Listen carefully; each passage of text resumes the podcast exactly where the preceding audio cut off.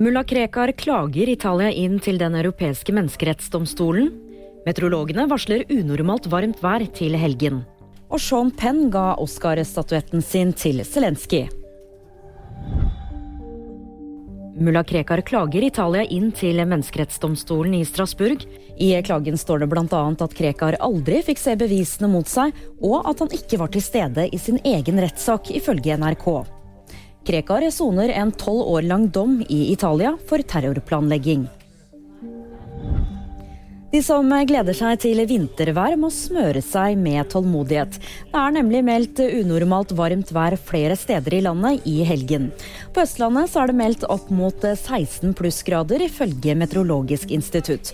Også i nord blir det varmere enn normalt. I Tromsø ligger temperaturen på rundt fem plussgrader de neste dagene. Hollywood-stjernen Sean Penn ga en av sine Oscar-statuetter til Ukrainas president Volodymyr Zelenskyj. Når du vinner, kan du ta den med tilbake til Malibu.